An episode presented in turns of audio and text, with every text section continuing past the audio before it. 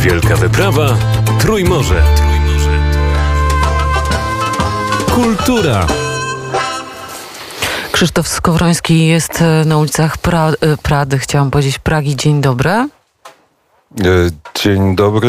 E, Pada deszcz. E, Na tyle się zachmurzyło, że on chyba będzie przez cały dzień padał i do tego będzie tak długo padał, że jak dojedziemy dziś do Budapesztu, dziś wieczorem do Budapesztu, tam też oczekiwał na nas będzie deszcz. Na szczęście jest to deszcz bez śniegu, a my jesteśmy jeszcze w gościnie. Jeszcze nie opuści... spakowaliśmy samochód, ale jeszcze od księdza Edwarda żeśmy jeszcze nie wyjechali i prowadzimy dyskusje duchowe na temat duchowości i, i duszy. I tutaj ksiądz proboszcz próbuje nas e, wprowadzić w ten świat duchowy. Ale to y, bardzo y, dobry temat, choć y, powiem e, szczerze, że dzisiaj ten deszcz e, praski e, spadł na e, duszę pewnie naszych wszystkich słuchaczy, na pewno moją. Podczas e, wywiadu, którego słuchałam w poranku Radia Wnet, twojego wywiadu z ministrem spraw e, zagranicznych, e, czeskim ministrem spraw zagranicznych, na pytanie dotyczące tego, jak, e, jak, jak różni się stosunek e, cz- czeskiego rządu, Czechów wobec e, zachowania Komisji Europejskiej wobec Polaków, on tłumaczy, że to są dwie różne historie, że tu jesteśmy przyjaciółmi, ale tu są pewne wymagania. Poczułam się strasznie smutno i chyba ten deszcz jednak też spadł na mnie. E, To e, dobrze, że zwróciłaś na ten fragment e, tej rozmowy uwagę, bo rzeczywiście, rzeczywiście minister, minister odróżnił przyjaźń do Polski z przyjaźnią do Komisji Europejskiej. Powiedział, że jeśli chodzi o Komisję Europejską, to rząd i politycy czescy nie mają z tym sporem nic wspólnego. Niestety ta historia i te odpowiedzi powtarzają się podczas całej naszej podróży. Jedynie wiceminister e, sprawiedli- wicepremier i minister sprawiedliwości Łotwy powiedział, że e, cały atak na Polskę e, i na, i na polską praworządność jest absurdem, a poza tym każdy z polityków, któremu zadaje to samo pytanie na temat e, relacji, na temat relacji Polski z Komisją i KPO, mówi, no to jest sprawa Polski. Tak jakby odróżniali. Z jednej strony Polska jest piękna, Polska jest solidarna, Polska jest krajem wzorowym, bo to wielokrotnie pada w tych wszystkich odpowiedziach, że Polska jest takim wzorem. Dla niektórych krajów, krajów bałtyckich jest, e, tu trochę cudzysłów, tak, ale jest e, regionalnym mocarstwem tak naprawdę, na które patrzą.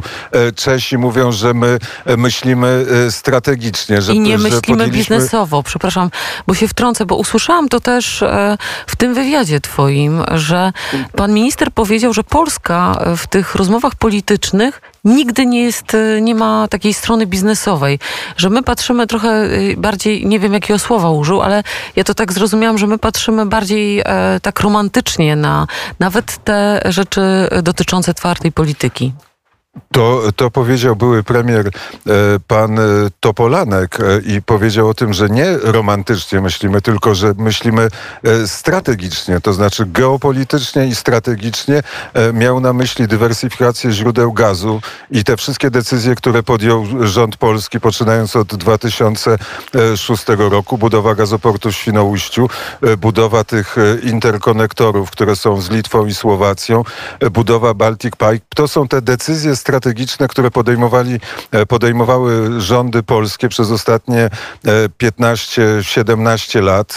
E, Rząd Prawa i Sprawiedliwości pierwszy, teraz rząd Prawa i Sprawiedliwości drugi, które e, pokazują i Czechom pokazują, że można e, właśnie w ten sposób myśleć. A e, to rozumowanie e, z kolei, jak nam powiedział e, dyrektor Instytutu Polskiego, e, w Czesi często uważają, że Polacy mają genetyczną nienawiść do Rosji, ale z tej genetycznej nienawiści do Rosji, ja z takim stwierdzeniem się nie zgadzam, ale z tą genetyczną, z, z tego wyprowadzają wnioski, że Rosja jest zawsze zagrożeniem, niezależnie od tego, kto e, tam rządzi i zawsze trzeba budować system e, obronny, organizm Rzeczpospolita zawsze musi budować mury, przez które e, Rosja nie będzie mogła się dostać na teren Rzeczpospolitej. To były ciekawe i zresztą rozmowy z premierem Topolankiem są czteroczęściowe. Jeszcze e, dopiero za nami pierwsza część dotycząca Trójmorza, a jeszcze dwie części, trzy części, jedna dotycząca energetyki jedna dotycząca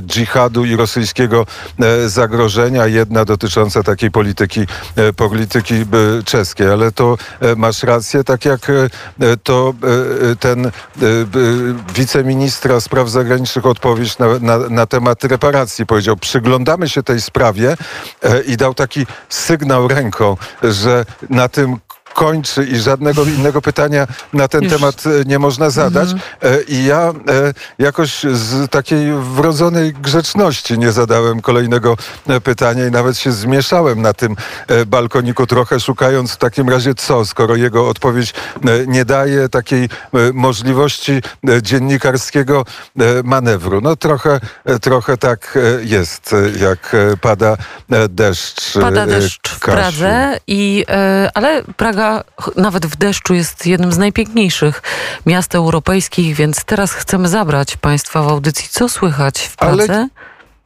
A jeszcze e, sekundę dam e, ksiądz Edward. E, słuchaj, bo e, ty nie byłaś tutaj w tym miejscu. Jak przyjedziesz do Pragi, to poznasz gościnność księdza Edwarda Walczyka, bo no, taki dom parafialny z otwartymi drzwiami. Kościół świętego Bartłomieja, XIII wiek, wybudowany właśnie. No, jakie są rozmiary tego kościoła? No i teraz. Nasz się...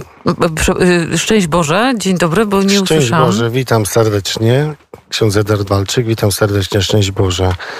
No chciałbym nawiązać do pytania, czyli jak wielki jest kościół świętego Bartolomieja w Pradze. Jest to kościół właśnie romański, czyli jego budowa była jakoś inspirowana świątynią jeruzalemską i dlatego jego wielkość jest e, rozmiaru 27 metrów na 9 metrów szerokości, e, czyli dokładnie tak jak wygląda najświętsza część świątyni w Jerozolimie. No można powiedzieć, że nasi przodkowie wiedzieli, dlaczego budowali i dlaczego budowali w takich rozmiarach. Możemy też powiedzieć, że uczmy się z przeszłości, żebyśmy mieli lepszą przyszłość. Tak będziemy robić. E, Krzysztofie, to zabieramy w podróż, czy jeszcze e, będziemy... E, wy, wybór należy do ciebie.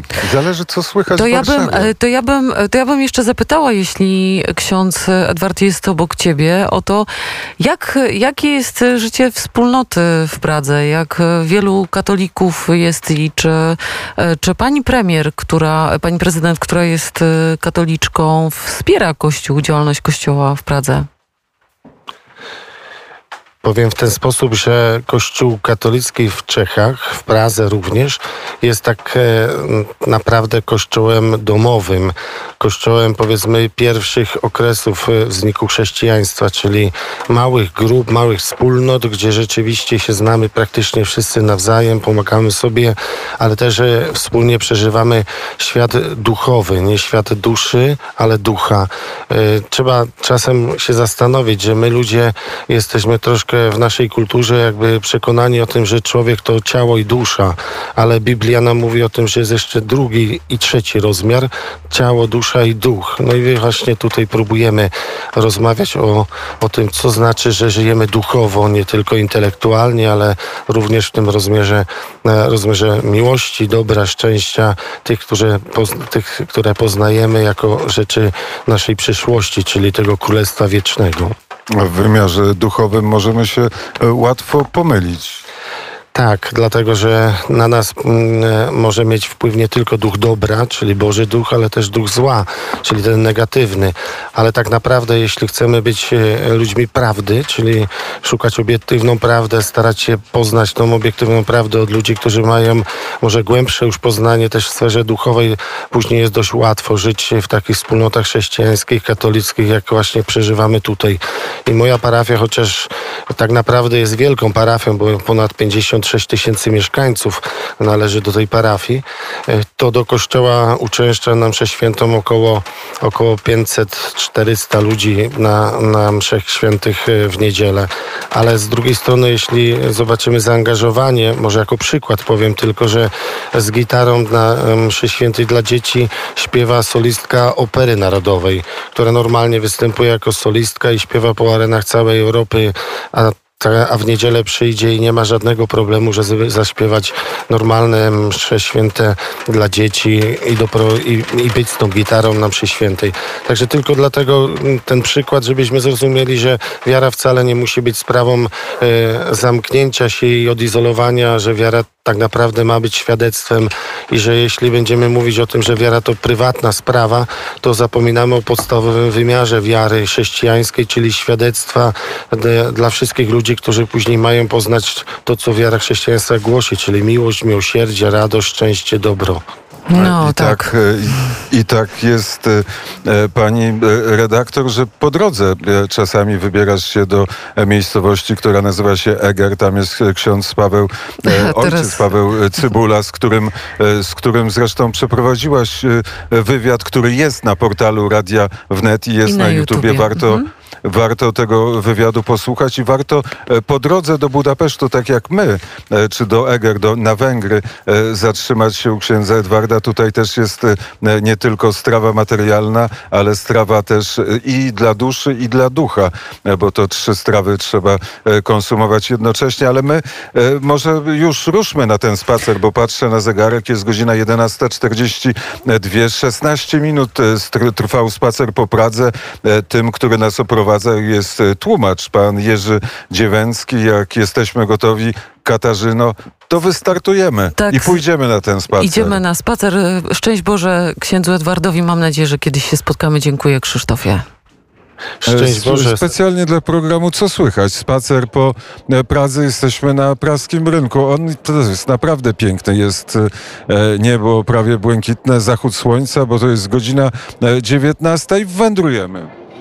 E, Tak, weszliśmy właśnie z tak zwanego ryneczku, po czesku bardzo podobnie jak po polsku, czyli z małego rynku, e, przy którym znajduje się siedzi- siedziba Instytutu Polskiego w Pradze.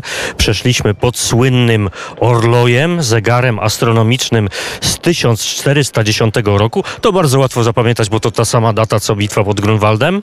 E, Przeszliśmy na rynek Starego Miasta i na rynku dominuje teraz kolumna mariacka, kolumna, kolumna Matki Bożej z Matką Boską Niepokalanego Poczęcia, odnowiona po ponad 100 latach od jej zniszczenia e, w czasach po I wojnie światowej. Podziwiamy także pomnik Jana Husa wpatrzonego w Matkę Boską oraz przepiękne wieże Kościoła Mariackiego na rynku Starego Miasta, czyli Kościoła Matki Bożej przed Tynem. Mijamy teraz piękne kamienice i jedna z nich przy rynku Starego Miasta to siedziba Towarzystwa Naukowego, w- dawnego Towarzystwa Naukowego, gdzie wykładał Albert Einstein na początku wieku. Widzimy tutaj właśnie tajemnic, y, tablicę pamiątkową. A naprzeciwko Muzeum Dali Mucha Warhol e, ekspozycja stała. Udało się panu kiedyś przekroczyć e, progi tego muzeum? E, No akurat tego muzeum przyznam się, e, przyznam się, że nie. Idziemy w kierunku e, dworca, bo taki nasz e, los. I teraz wchodzimy na jaką ulicę? To jest ulica Celetna, czyli Celty to były w śre- w w średniowieczu podobno takie specjalne praskie wypieki, długie bułeczki, no można powiedzieć weki czy bagietki ówczesne i właśnie tutaj ci piekarze wypiekający takie, em, takie bułeczki mieli tutaj swoje kramy i sprzedawali te bułeczki. A teraz jest gabinet figur woskowych? No tak, właśnie jeden z praskich gabinetów mu- muzeum, muzeów figur woskowych Madame Tussaud. Obok e, Swarowskiego e, przechodzimy. Stare. Praga jest e, po prostu piękna. Jak się żyje w Pradze? No, dziękuję bardzo za pytanie. Ja nie, na, nie narzekam. Mieszkam w Pradze od 30 lat i w Pradze przejdziemy teraz takim ciekawym skrótem. Zmierzamy w kierunku Uniwersytetu Karola, dawnych zabudowań Uniwersytetu Karola, najstarszego uniwersytetu w naszej części Europy, założonego przez cesarza Karola IV w roku 1348. E, Koło belgijskich czekoladek. Tak, natomiast no Praga z pewnością jest miastem, które jest atrakcyjne, przyciąga bardzo wielu, bardzo wiele osób, łącznie z wieloma Polakami. A to jest reklama narodowego dziwadła? E, To jest dawny plakat e, z roku, kopia dawnego plakatu z roku 1921, gdzie przedstawiano dzieło Karla Czapka, słynnego czeskiego pisarza, e, dziennikarza oraz dramaturga, dramatopisarza pod tytułem RUR, Rosum Universal Robots, ponieważ Ka- Karl Cz- Czapek jest pisarzem, który stworzył słowo robot. Jest to czeskie słowo, czy też słowiańskie słowo można powiedzieć, które przyjęło się we wszystkich językach świata.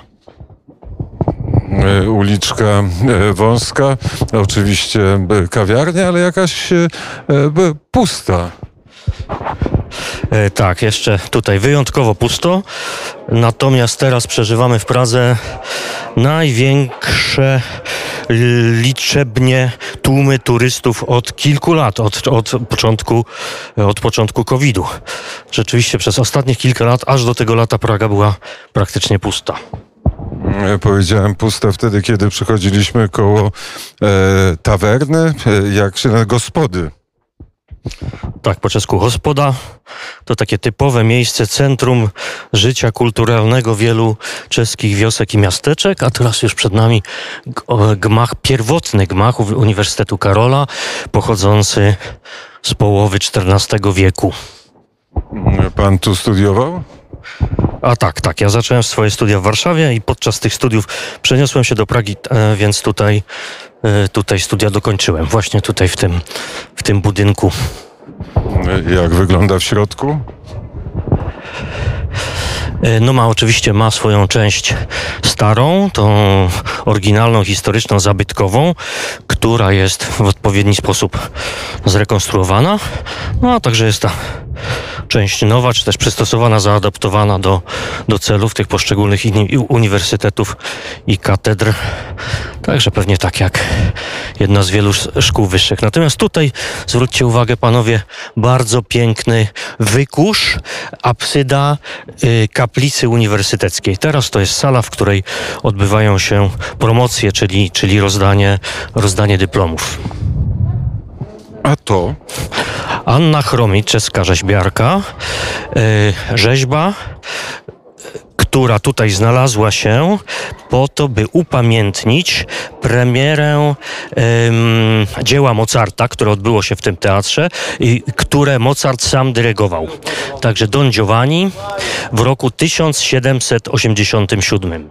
E, Tutaj w tym teatrze w Pradze, a co, co to jest Teatr Narodowy?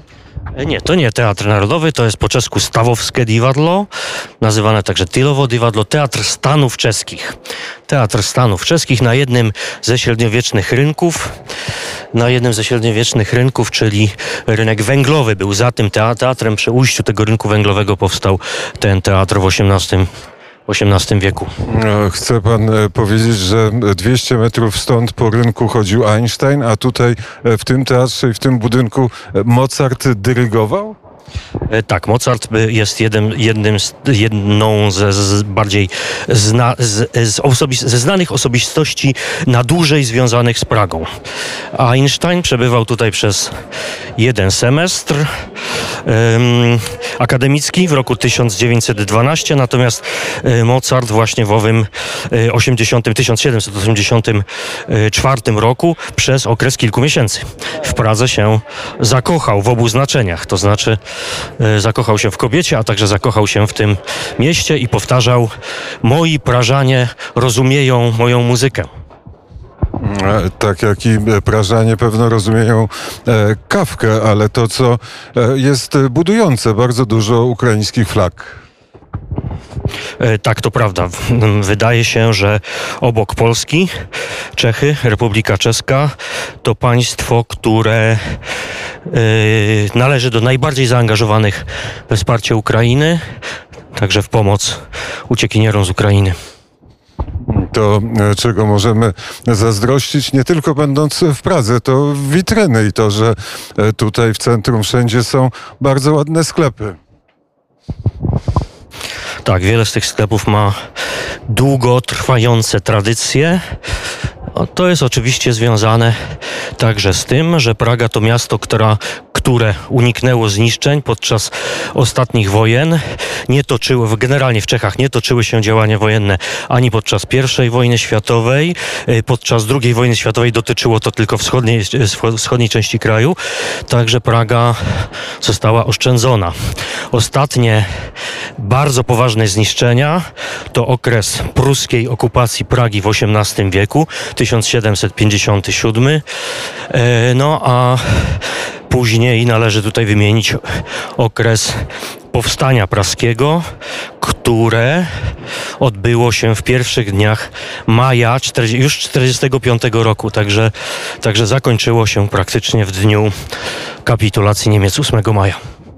Czy wszystkie te piękne kamienice mają e, swoich właścicieli? Czy był proces reprywatyzacji w Pradze?